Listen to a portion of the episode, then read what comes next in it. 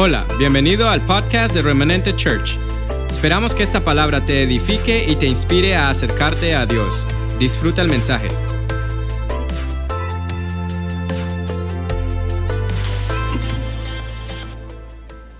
Amén. Qué bueno estar aquí. ¿Cuántos están contentos de poder estar aquí? Algunos después de más de seis meses. Eso es mucho.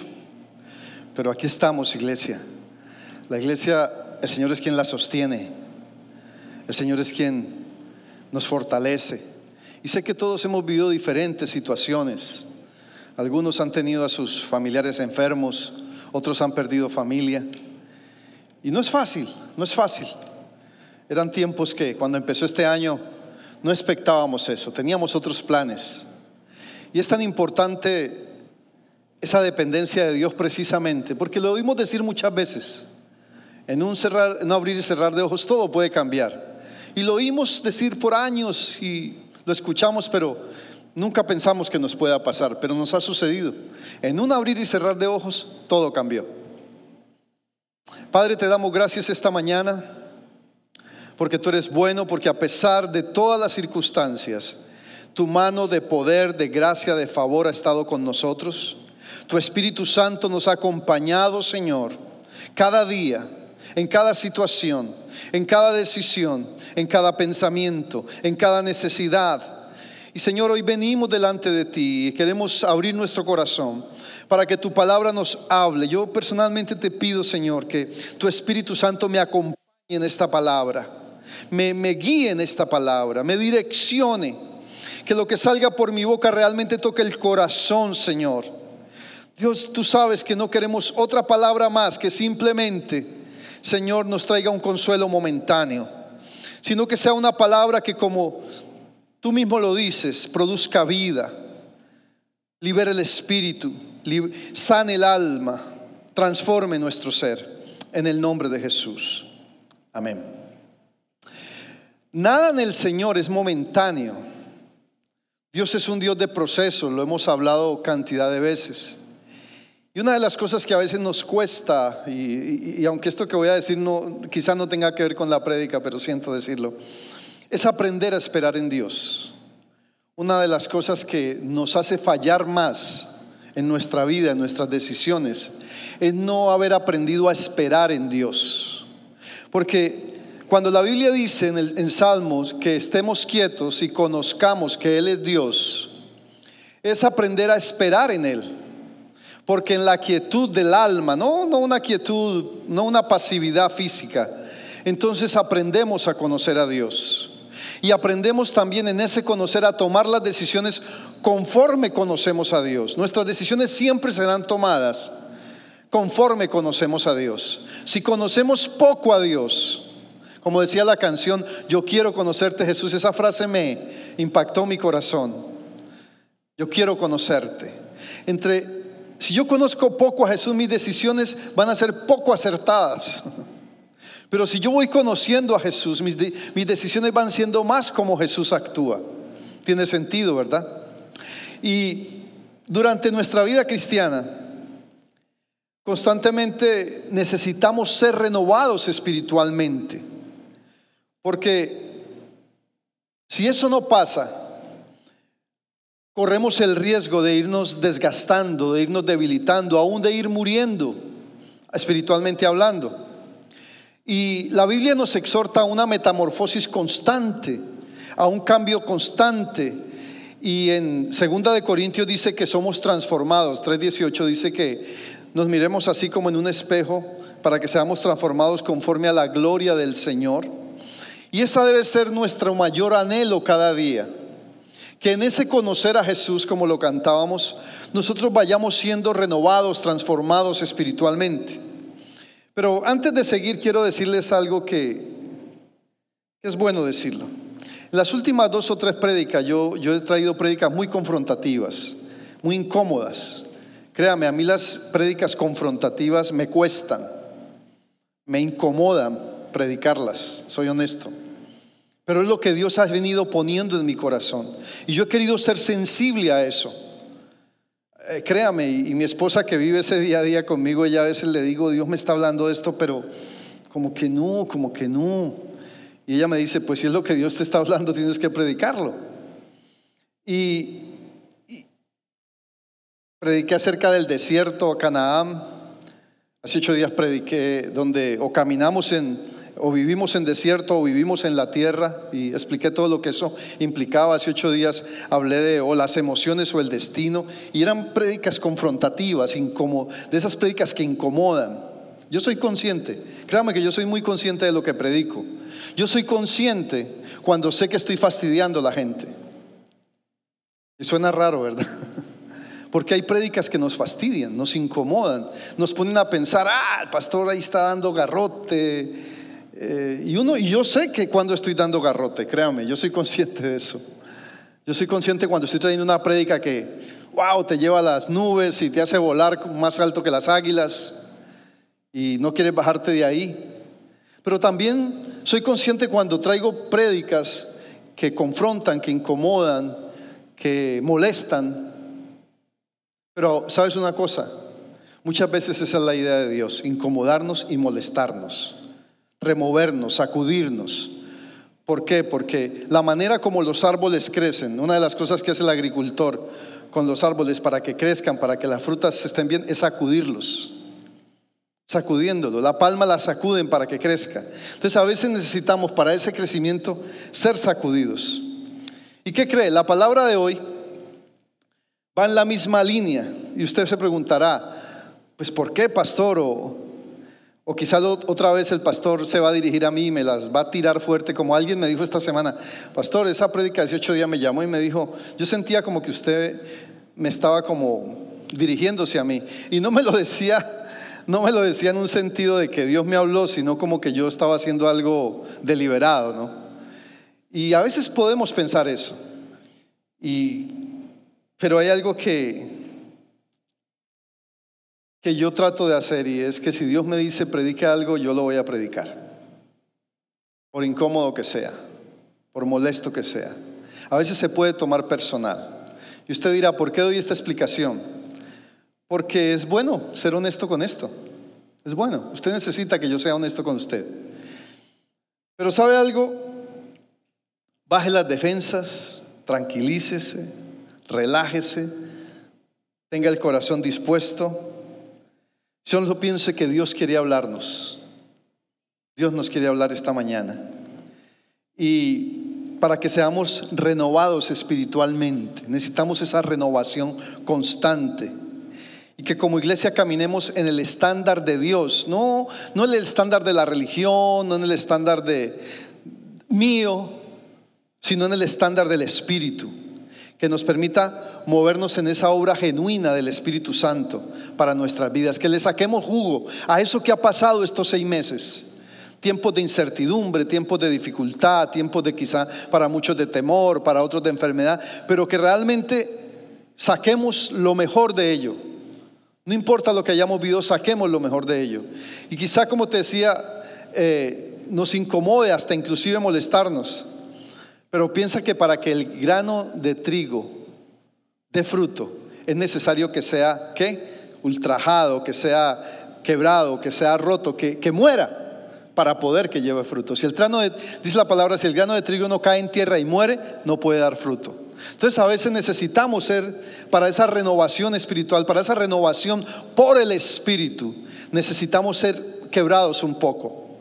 ¿Para qué? Para que la semilla crezca y podamos llevar fruto.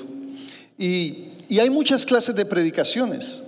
Hay predicaciones sistemáticas, exegéticas, dialécticas, magisteriales, eh, eh, expositivas, diferentes tipos de prédicas que uno puede traer desde acá del púlpito. Pero hoy la prédica que quiero traerte es una prédica simple, una prédica conversacional, donde tú sientas que yo te estoy hablando, te estoy conversando, te estoy diciendo las cosas en, claridad, en sencillez, y, y que sea también una prédica del Espíritu, donde tu espíritu se abra, mi espíritu se abra y sea algo de corazón a corazón, especialmente de corazón al corazón de Dios. Amén. Quiero que abra su Biblia en, en Apocalipsis capítulo 3. Pocas veces predicamos de Apocalipsis. Y no, no voy a predicarle de cuándo viene el Señor, ni, ni el caballo del Apocalipsis, ni la bestia, ni el 6.6. Voy a predicarle de la iglesia. Dice, y la iglesia es usted, la iglesia soy yo, la iglesia somos todos nosotros. Tengamos aquí la Biblia lista.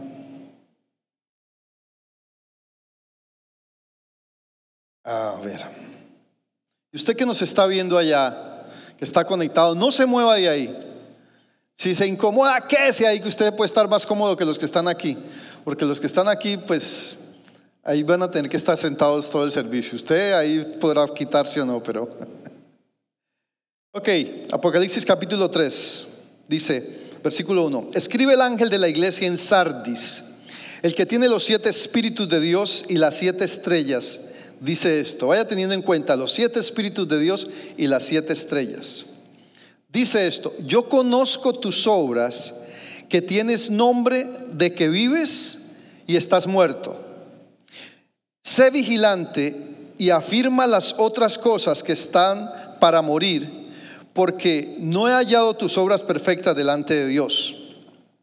Versículo 3.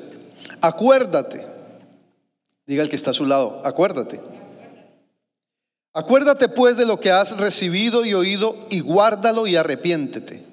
Pues si no velas, vendré sobre ti como un ladrón y no sabrás a qué hora vendré sobre ti. Pero tienes unas pocas personas en Sardis que no han manchado sus vestiduras y andarán conmigo en vestiduras blancas porque son dignas.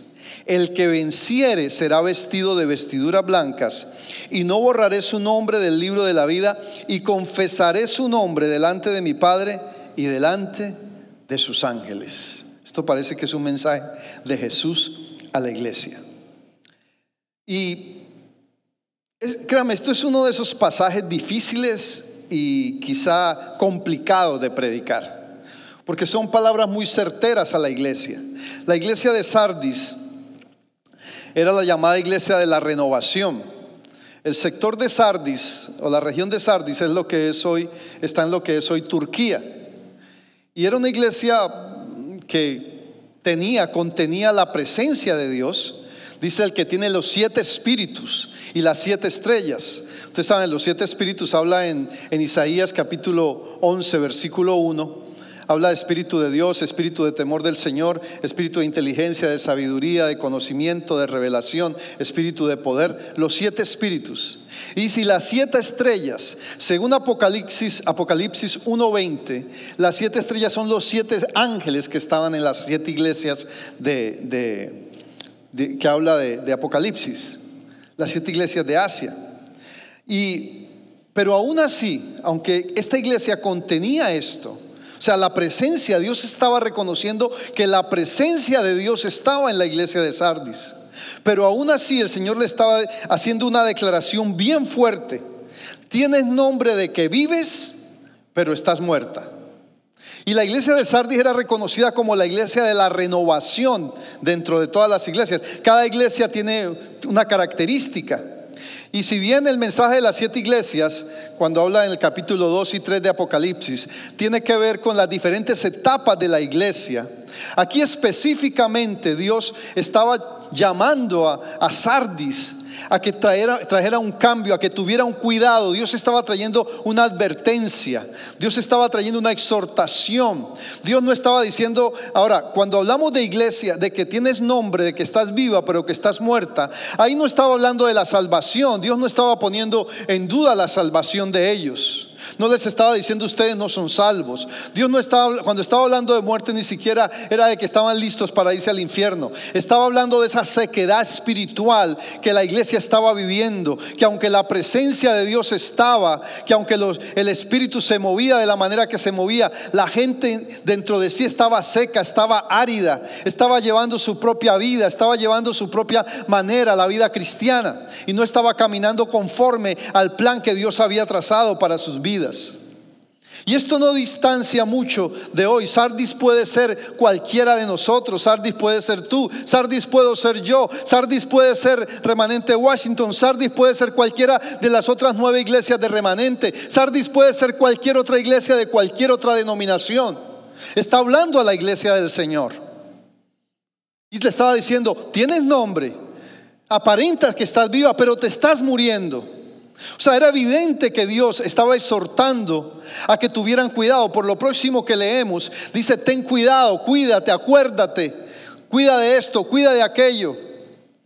Y vamos a ir viendo mejor este pasaje, porque Dios buscaba que Dios no buscaba venir a castigar a Sardis. Dios no estaba tratando de venir a castigar su iglesia. Dios quiere renovar su iglesia, Dios quiere levantar su iglesia. Dios quiere que el mover del espíritu en la iglesia del Señor este tiempo sea renovado a un mover genuino, no a un mover basado en una necesidad, sino un mover basado en la obra del Espíritu Santo que cambie vidas, que transforma vidas, que nos llama a una reconciliación, que nos llama a una comunión, a una relación, a una búsqueda continua. Amén. Entonces, aunque esta parece una palabra muy fuerte, realmente Dios lo que estaba en su amor era tratando de recuperar su iglesia. Porque Dios no quiere que ninguno se pierde. Tampoco estaba refiriéndose a que no era una iglesia que no tuviera su presencia o que no era una iglesia que no tuviera el Espíritu Santo. Simplemente Dios quería que ellos tuvieran seguridad espiritual que ellos caminaran en la dimensión del Espíritu.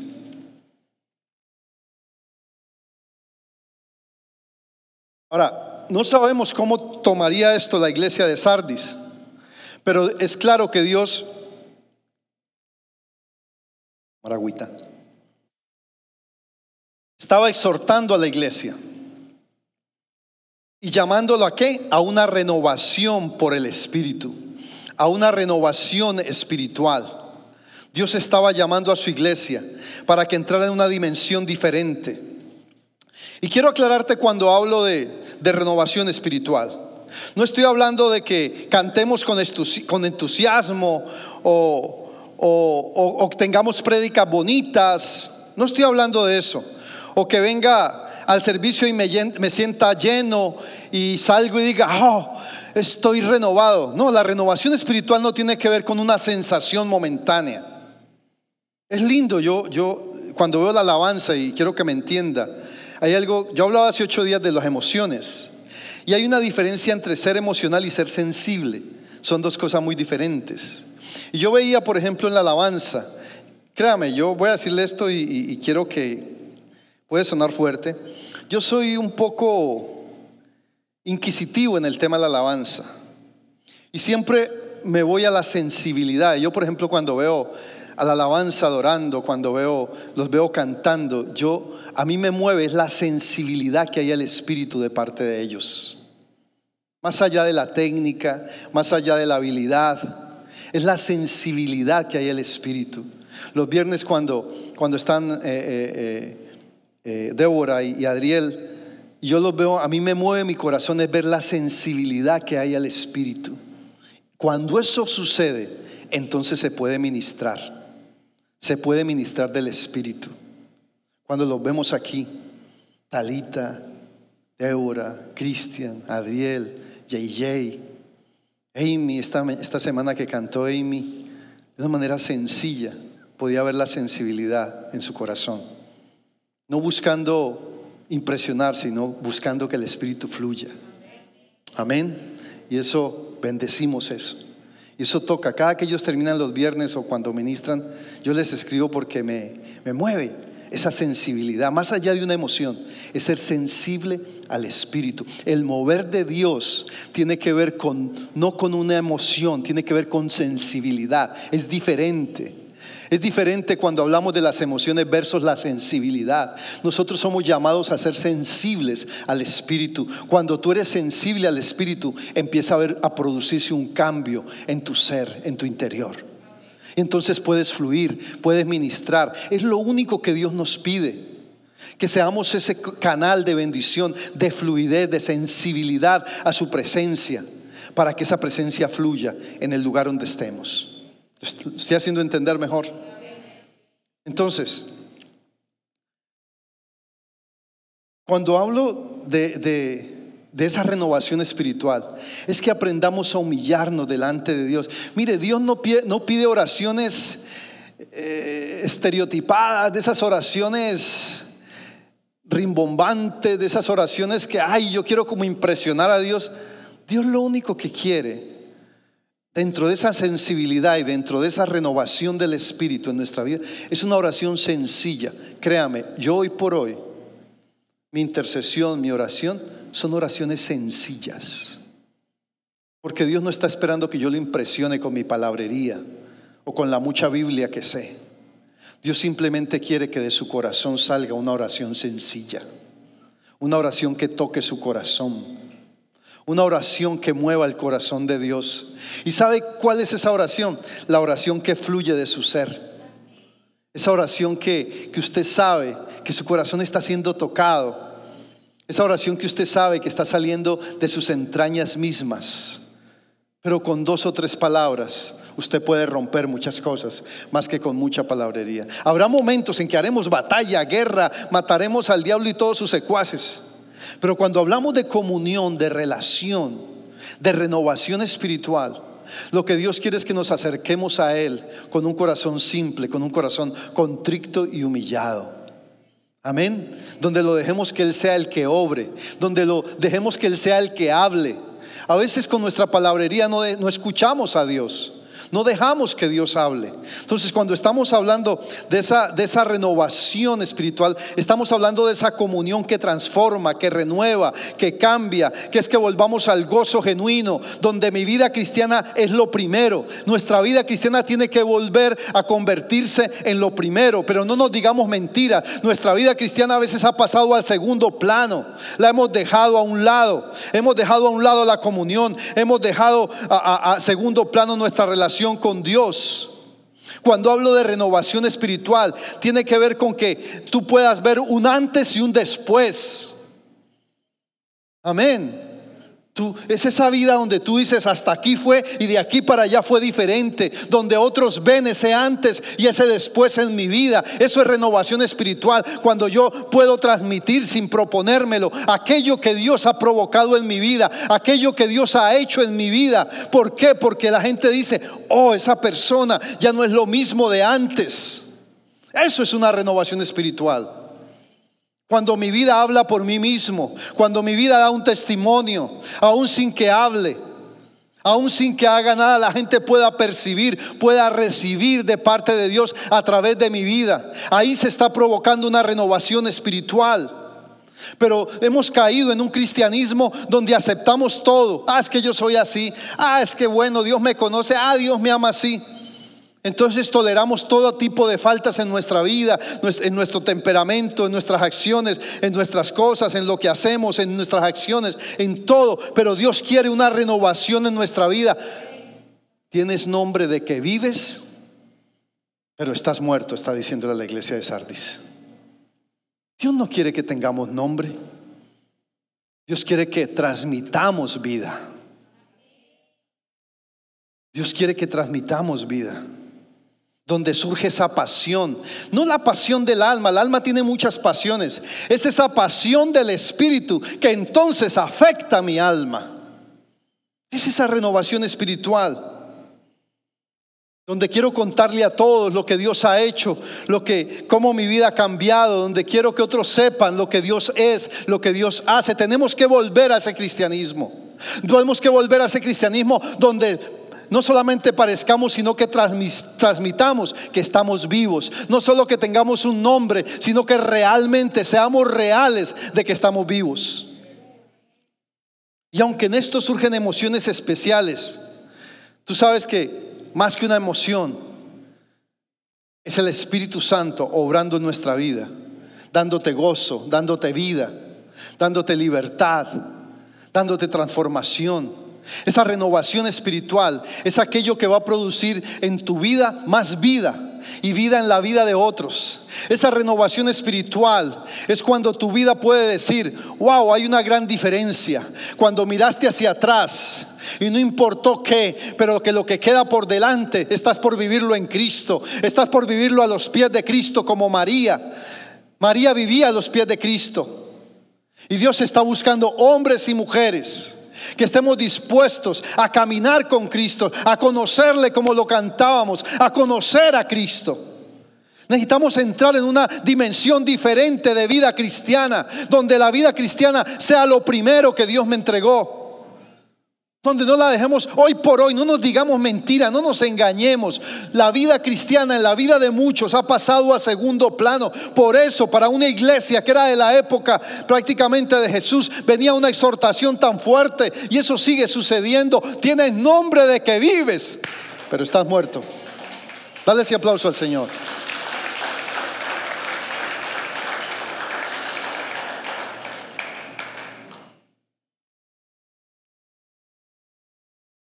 Es esa vida donde entonces quieres adorar, quieres obedecer, quieres llorar, quieres hacer cosas por Dios y no y, quieres venir a la iglesia no buscando que alguien te provoque eso, sino que tú vienes a provocarlo. Tú vienes a provocarlo.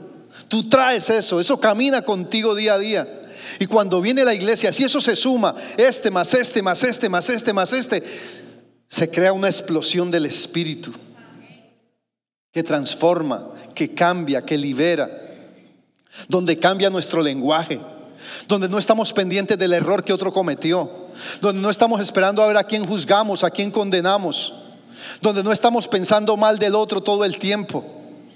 Porque a veces vivimos tan equivocados pensando mal los unos de los otros. Donde vienes a la iglesia realmente a recibir al edificio pero también a dar de aquello que Dios ha depositado en ti.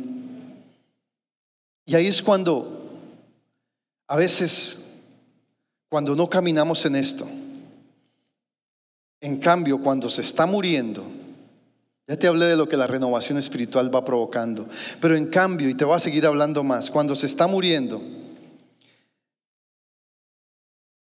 se pierde el sabor, venir a la iglesia, orar, leer la palabra, se nos vuelve una carga.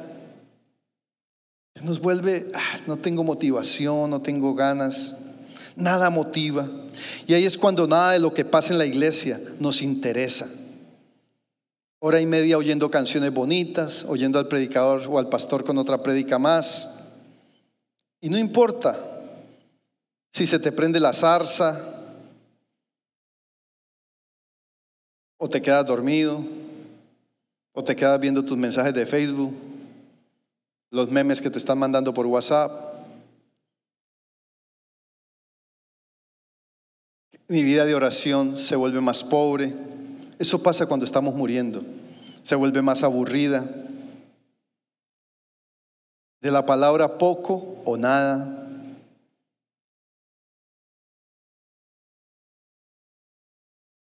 Todo se vuelve aburrido. El pastor se vuelve aburrido, la iglesia se vuelve aburrida, Dios se vuelve aburrido, todo aburrido, yo aburrido. No quiero nada. Cuando caemos en esa etapa de muerte. Y no es que estemos perdiendo la salvación, no se trata de eso. A veces tenemos nombre de que estamos vivos, pero no nos damos cuenta de que estamos muriendo. Pero el Señor nos dice hoy, yo conozco tus obras, te conozco mejor que nadie, no te engañes. Y aunque tú y todos los demás dices que tienes nombre de que estás vivo, la verdad es que a veces estamos muriendo. Y tú dirás, el pastor me la está tirando toda. ¿Sabes que no? Yo soy el primero que me incluyo. El que esté firme, mire que no caiga. Y yo cuido eso. Yo cuido de no dormirme en que estoy firme. Porque eso puede pasarle a cualquiera. Todos estamos expuestos. Pero Dios hoy nos está llamando a una verdadera renovación por el Espíritu. Solo que Dios quiere que tú te dispongas y sobre todo, primero piensa que no se trata de esa renovación espiritual, de sentirme bien hoy y mañana no. No se trata de que ahora salgas, wow, tremenda predica, el pastor, el Señor me habló y ya estoy renovado espiritualmente.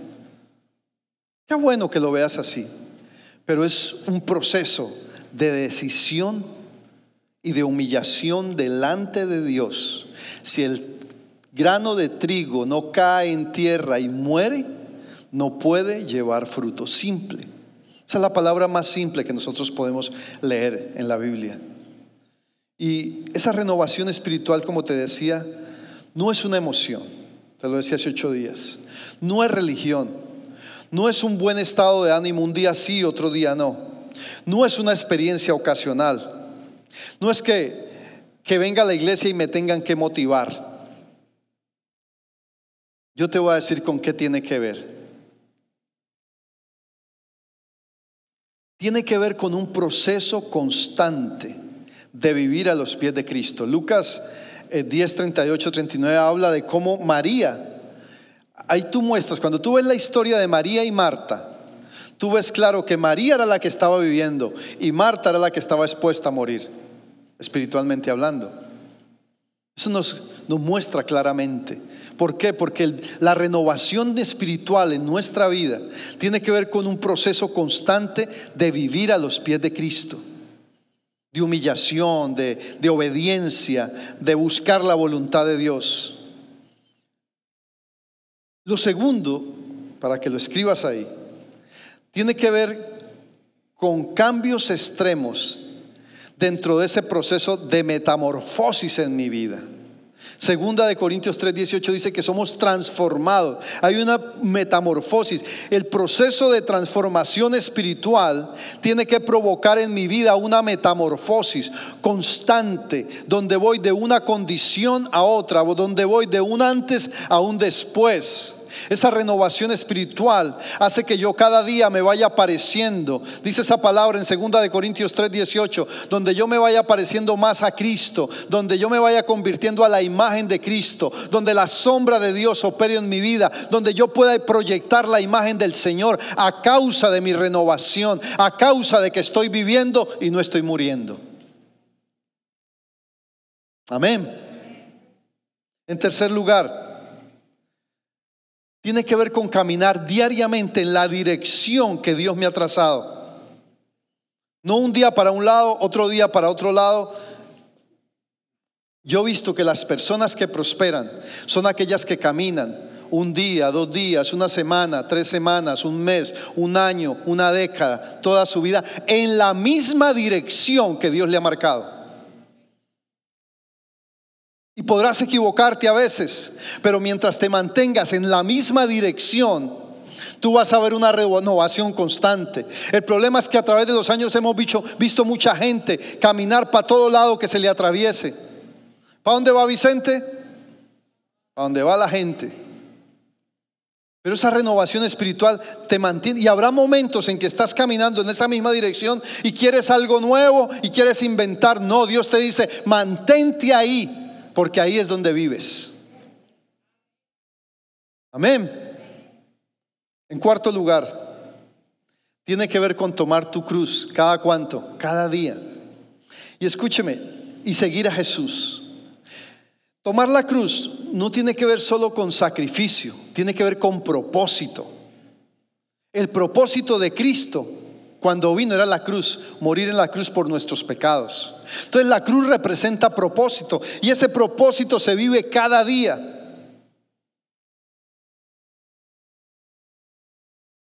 Y por último, tiene que ver con un arrepentimiento continuo. Y no hablo ni de culpa ni de condenación. Hablo de mantenernos. Arrepentimiento es mantenerme en la dirección correcta, techubá que si voy en una dirección equivocada, yo vuelvo a la dirección correcta. Eso es lo que arrepentimiento representa. Cuando tú tienes una vida de arrepentimiento constante, no es cuestión de remordimiento, culpa o condenación y perdóname Señor por esto. Le pediremos perdón a Dios por cosas a diario quizá, pero el verdadero arrepentimiento es que yo me mantenga en la dirección que Dios me ha marcado, que Dios me ha trazado, en el destino que Dios figuró para mi vida y yo no me deje mover por nada de ahí. Y esas son las vidas que prosperan, esas son las vidas que dan vida, que provocan vida. La inestabilidad espiritual es algo común hoy por hoy. Nos, estamos, nos hemos estado eh, eh, desviando del propósito. Y no olvides que Dios conoce nuestras vidas, conoce nuestras obras, hasta lo más íntimo de, de nuestro ser. Él sabe si estamos vivos o estamos muertos. Vamos a volver a Apocalipsis 3.1. Porque, ¿con qué tiene que ver renovarnos? ¿Cómo, voy a, buscar, a encontrar esa renovación? Lo anterior fue qué implicaba, qué, hay que, que mantener. Ahora tiene que ver los pasos que constantemente Dios me está hablando para una renovación espiritual. Por decir pasos, ¿no? Es una manera de... Ustedes saben que no me gustan las fórmulas.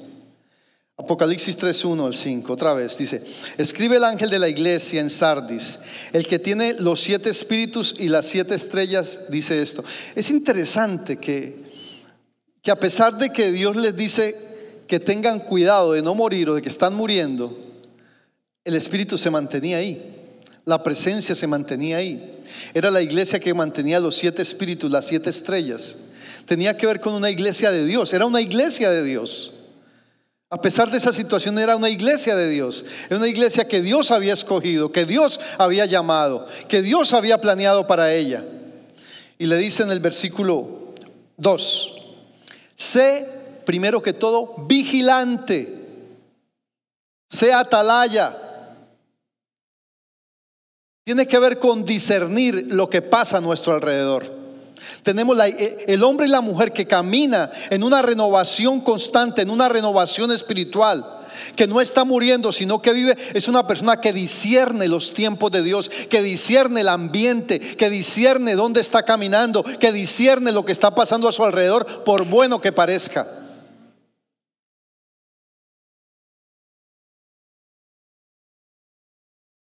Sé vigilante. Y luego dice que afirma, en segundo lugar, afirma. Necesitamos afirmarnos. Es tener cuidado de aquellas cosas que Dios nos dio, que están en peligro de morir, que están débiles. Hay áreas en nuestra vida que necesitamos afirmar. De hecho, ahí lo dice, afirma lo que has recibido y oído y guárdalo y arrepiéntete. Afírmalo, afírmalo. En tercer lugar, versículo 3, acuérdate. Y esta parte es bien, bien interesante. Dice, acuérdate pues de lo que has recibido y oído y guárdalo y arrepiéntete, pues si no, velas, vendrá sobre ti como ladrón y no sabrás a qué hora vendré sobre ti.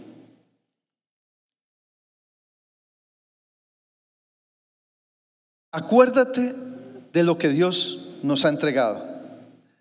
Acuérdate de todas aquellas cosas que hemos recibido de parte de Dios.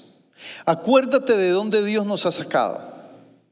Acordémonos de todo lo que Dios ha hecho para nosotros. Y el problema es que muchos están muriendo y han descuidado lo que recibieron lo que han oído. Han, han descuidado la bendición, han descuidado la revelación, lo que han oído. Porque por cuidar solo lo que recibimos. No hemos cuidado la revelación, no hemos cuidado la relación, pero hemos estado cuidando lo que Dios nos ha dado. A veces hemos estado cuidando dinero, hemos estado cuidando relaciones, hemos estado cuidando trabajo, hemos estado cuidando bienes y nos hemos olvidado quién nos lo dio. Estamos cuidando lo o protegiendo lo improtegible. Porque quien protege todo es Dios. ¿Cuántos en esta crisis, y, quiero que me entiendan, en el mundo, en un abrir y cerrar de ojos, perdieron todo? ¿Cuántos negocios quebraron en esta pandemia en el mundo. Tiendas de, por departamentos en Estados Unidos cerraron durante esta pandemia porque quebraron. En un abrir cerrar de ojos. Y ha sido un fenómeno en el inmigrante, y hablo del inmigrante cristiano, incluyéndome, que llegamos a este país y muchos de nosotros, me incluyo, literalmente llegamos, algunos con el papelito del tiquete del avión y otros con una bolsita, sin nada.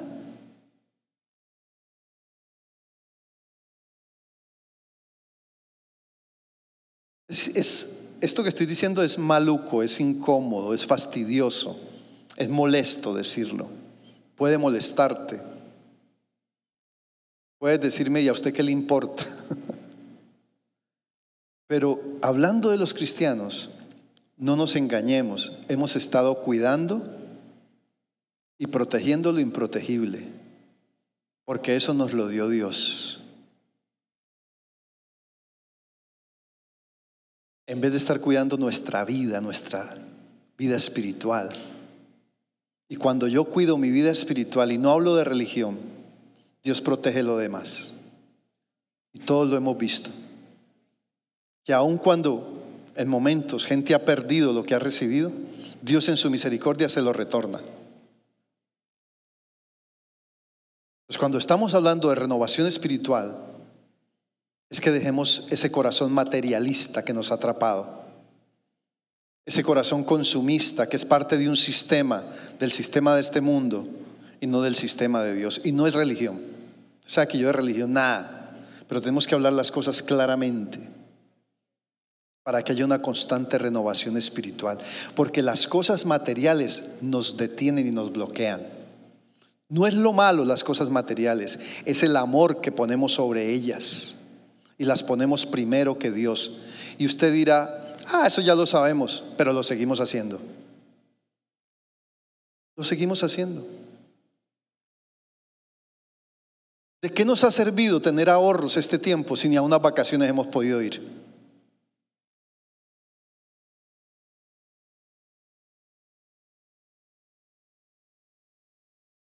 Si este, esta pandemia no nos da ganas de ir a comprar ropa. No nos da ganas ni ir a comprar nada. Además de que nos hemos engordado. Ah, ahí a, fuerza tratando de poner la ropita que tenemos colgada ahí a ver. Necesitamos hablar así y reconocer. Necesitamos volver al Señor. Tenemos nombre de que estamos viviendo, pero sutilmente estamos muriendo. Necesitamos poner al Señor primero. Eso no está pasando en la iglesia del Señor. No, te lo digo yo como pastor. Te lo digo yo que lidio todos los días con 10 iglesias. Y con otras por ahí que me llaman. Yo veo a la gente afanada por otras cosas más que por Dios. ¿Para qué cuidar tanto lo perecedero? la, Biblia nos manda a cuidar, dos cosas nos manda a cuidar la Biblia. Es lo único que nos manda a cuidar. ¿Cuáles son? La salvación y el corazón. Así que cuidemos esta salvación tan grande y que sobre toda cosa cuidada, cuidemos el corazón.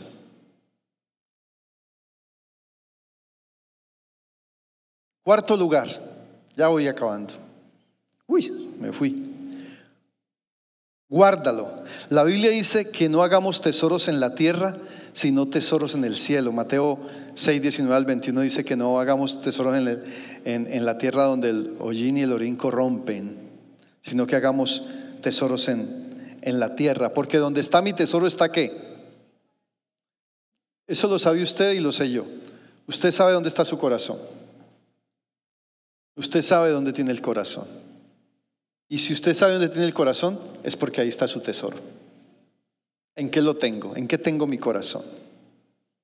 La renovación espiritual requiere que lo guarde. Que guarde lo espiritual, mi relación, mi comunión, mi constante búsqueda. Esto incluye adoración, oración, revelación, ser sensibles al Espíritu. Pero sabes algo, y esto es clave, versículo 4. A pesar de todo esto, dice, pero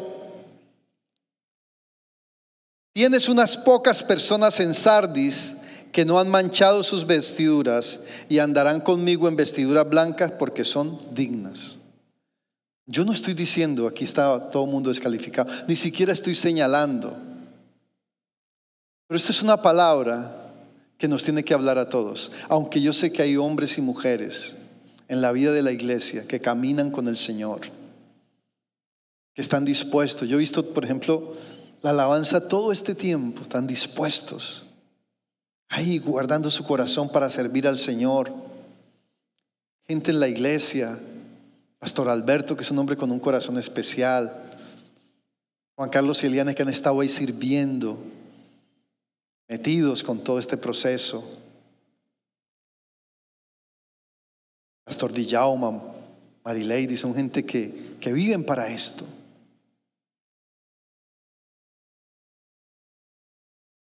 Que guardan el corazón, guárdalo tú también. Beatriz, mujer que ustedes saben que siempre está buscando la oración, y así muchos que la acompañan, gente que sirve en la iglesia, gente que ha servido, que no está todo acabado, no es eso lo que trato, es que la iglesia no se muera. Es eso lo que yo uso con esta palabra.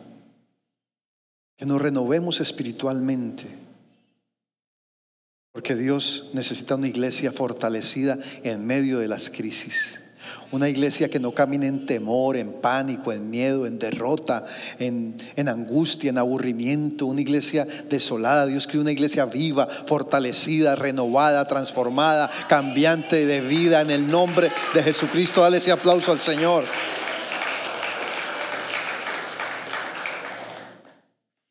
Y hoy es un día para una renovación espiritual. El que venciere será vestido de vestiduras blancas y no borraré su nombre. Sabes, siempre hay un día de encuentro con Dios. Y hoy eso es uno, de esos días. Moisés lo tuvo en la zarza, Moisés lo tuvo en el monte, Jacob lo tuvo en Ebenezer, en Betel.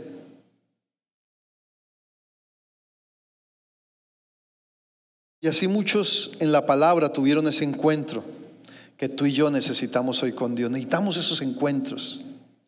Que la próxima vez que tengamos ese encuentro con Dios, no nos diga, tienes nombre de que vives, pero estás muerto.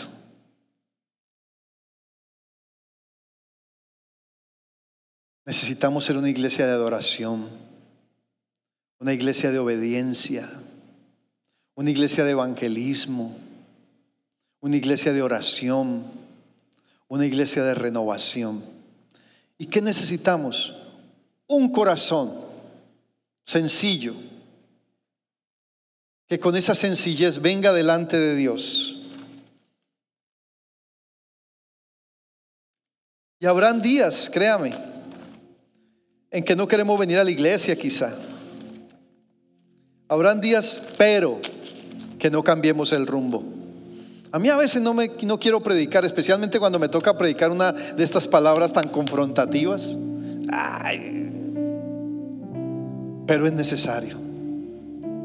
¿Cuántos están bendecidos hoy? ¿Cuántos pueden decir esa palabra me bendice? Esa palabra me libera. ¿Cuántos pueden decir esa palabra me invita a ser transformado, a ser renovado por el Espíritu?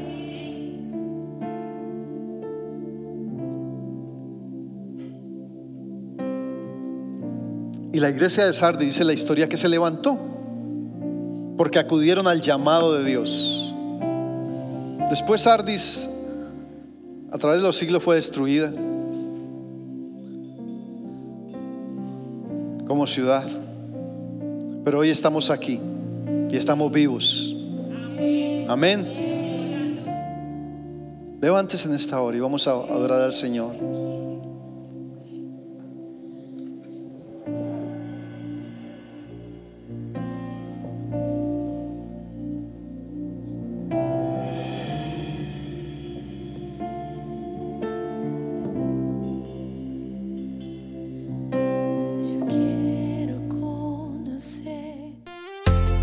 Esperamos que este mensaje haya sido de bendición. No te olvides de suscribirte a nuestro podcast y seguirnos en Facebook e Instagram arroba remanente church.